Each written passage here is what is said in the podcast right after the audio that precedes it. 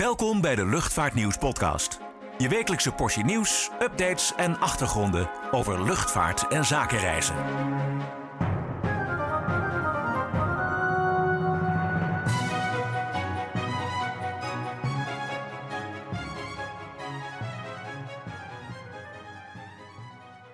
Hallo en welkom bij de Luchtvaartnieuws podcast.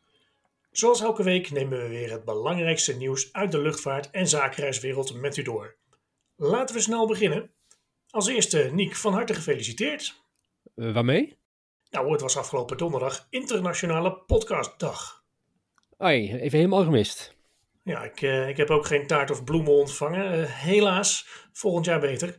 Nee, door naar het echte nieuws. Het is vandaag 1 oktober en dat betekent dat er twee belangrijke veranderingen in de reiswereld zijn ingegaan. Ten eerste is er de paspoortplicht in het Verenigd Koninkrijk en ten tweede is het ondergaan van een PCR- of antigeentest voor op reis nu niet meer gratis.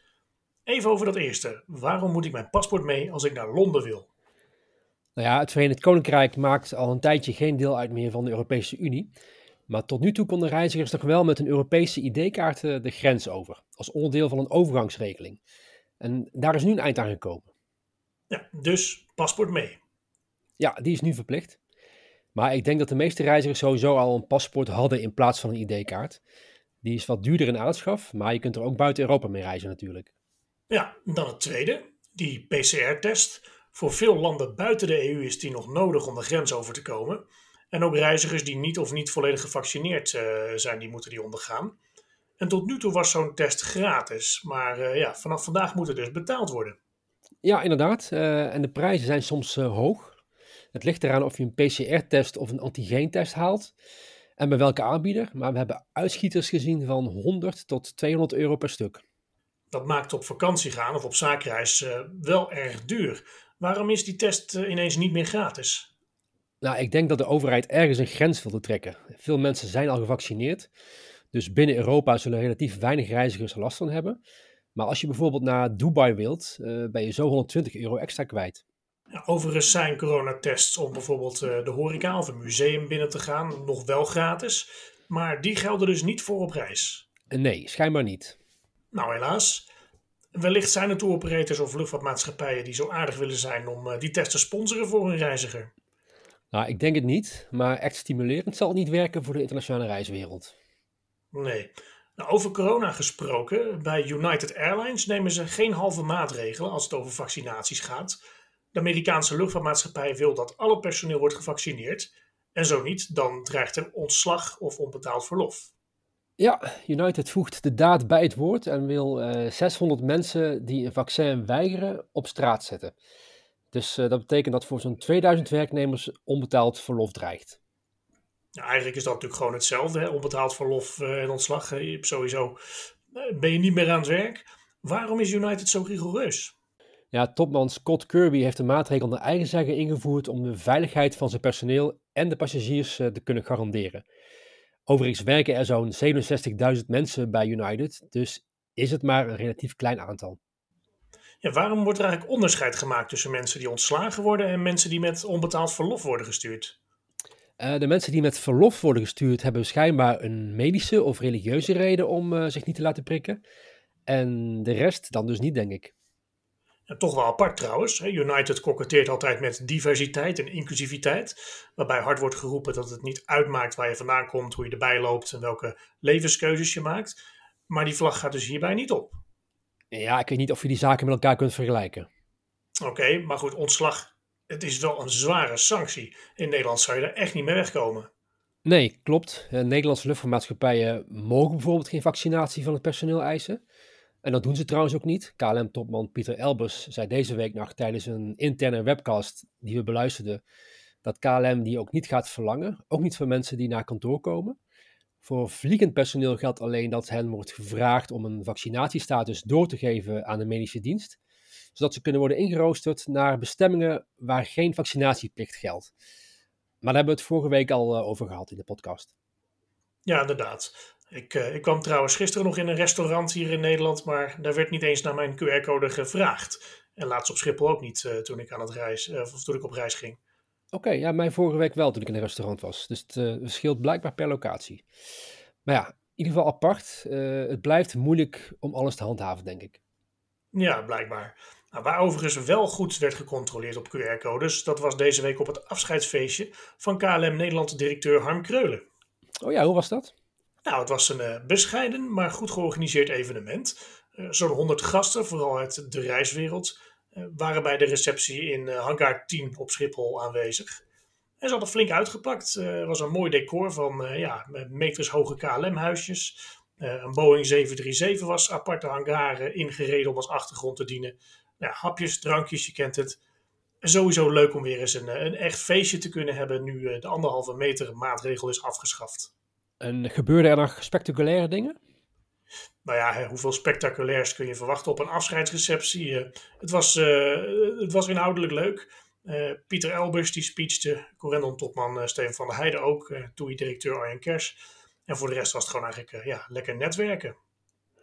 Nog even voor de luisteraars die niet weten wie Harm Kreulen is. Wie is Harm Kreulen?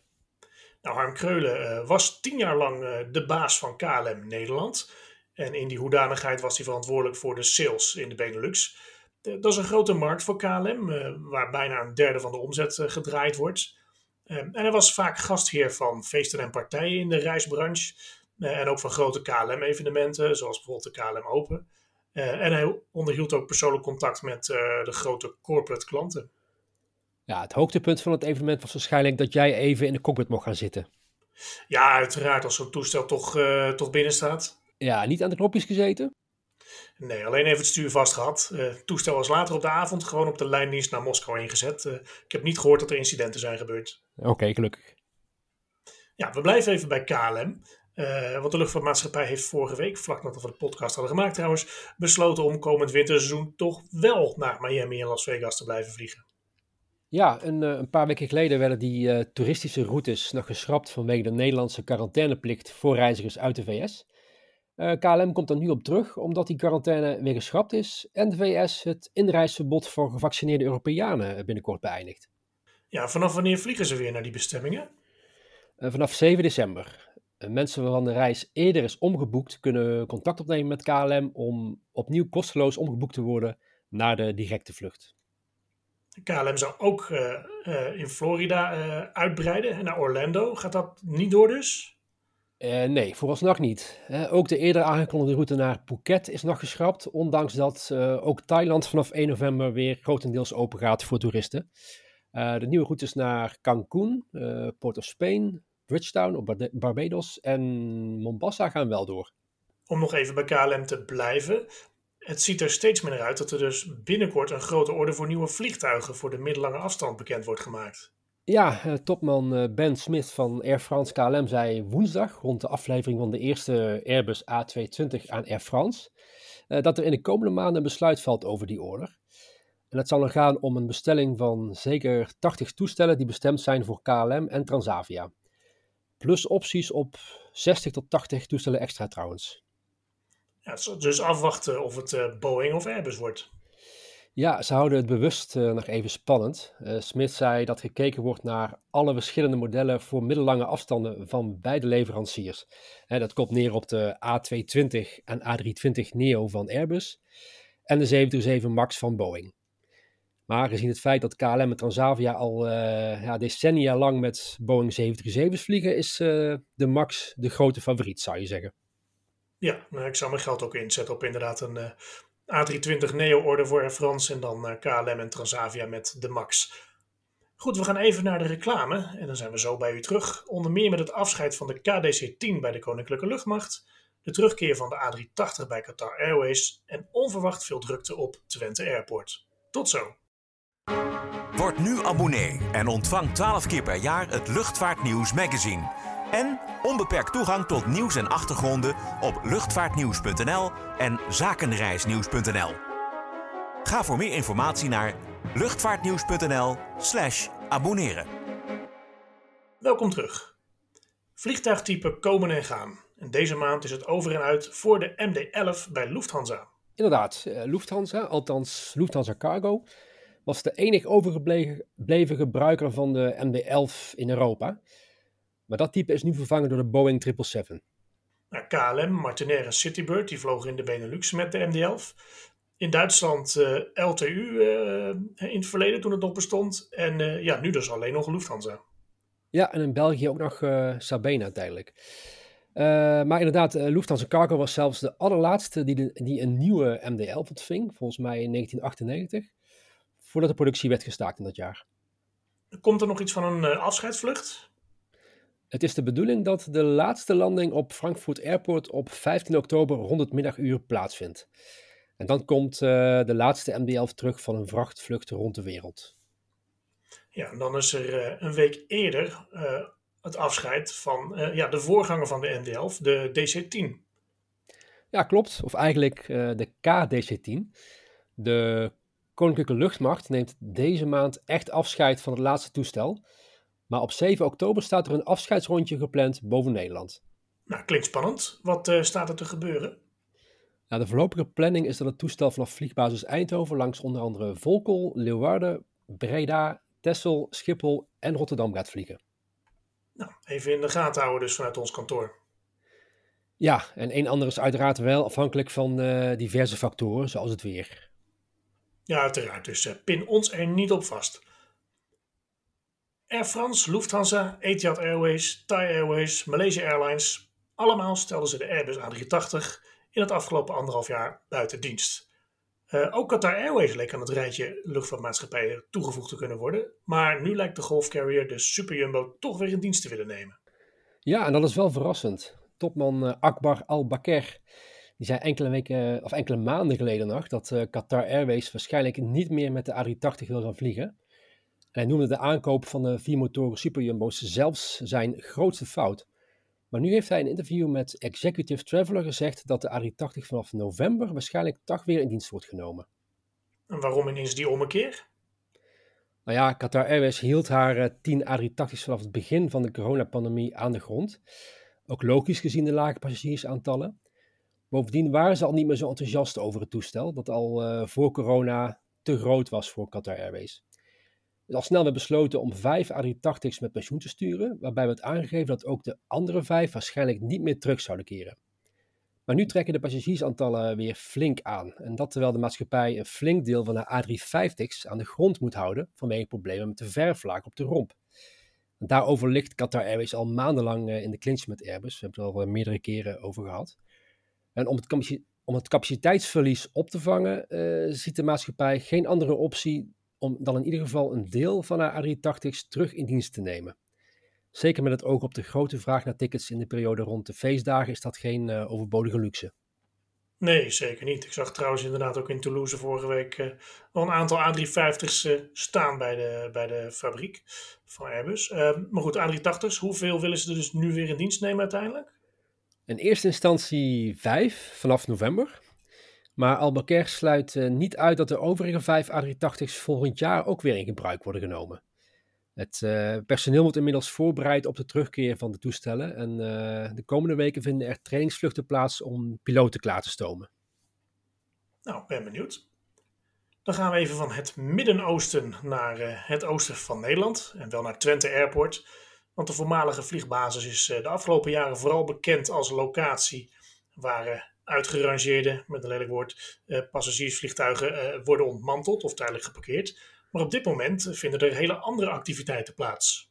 Ja, het is er zelfs uh, drukker dan ooit op Twente Airport. vliegtuigen van het NLR, uh, TuiFly en Lufthansa voeren sinds dinsdag honderden testvluchten uit om nieuwe manieren van aanvliegen en landen te onderzoeken. Ja, en om wat voor toestellen gaat het? Ja, tot 8 oktober voert de Cessna Citation van het NLR, de PH Lab, 200 tot 250 vluchten uit. En op uh, eh, 5 en 6 oktober doen ook een Boeing 737 van TuiFly en een Airbus A319 van Lufthansa mee. Elk met ongeveer 10 vluchten. En een en ander hangt wel af van de weersomstandigheden. Ja, en om wat voor vluchten gaat het? Ja, het zijn naderingsvluchten. Soms wordt er een touch and go gemaakt. En soms wordt de landing afgebroken door de wielen, voor de wielen de baan raken. Uh, de Proefvluchten worden gemaakt als onderdeel van het Europese project uh, DREAMS. Hierbij uh, worden alternatieve manieren onderzocht voor vliegtuigen om een landingsbaan te naderen. Het doel is het vinden van manieren om een lagere milieubelasting, minder geluidsoverlast en een veilige capaciteitstoename te realiseren. In het onderzoek wordt uh, gebruik gemaakt van nauwkeurige satellietnavigatietechnologie. Ja, waarom wordt juist Twente Airport hiervoor gebruikt?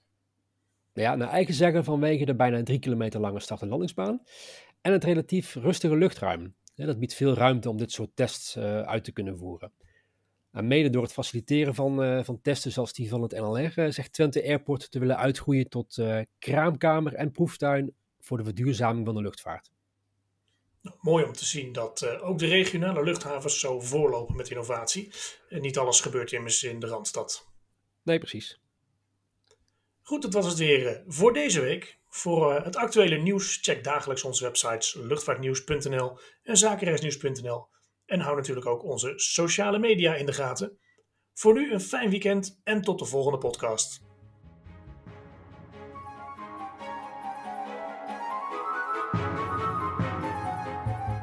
Bedankt voor het luisteren naar de Luchtvaartnieuws podcast. Voor opmerkingen, vragen of suggesties, mail ons redactie@luchtvaartnieuws.nl. Een fijne dag en graag tot de volgende podcast.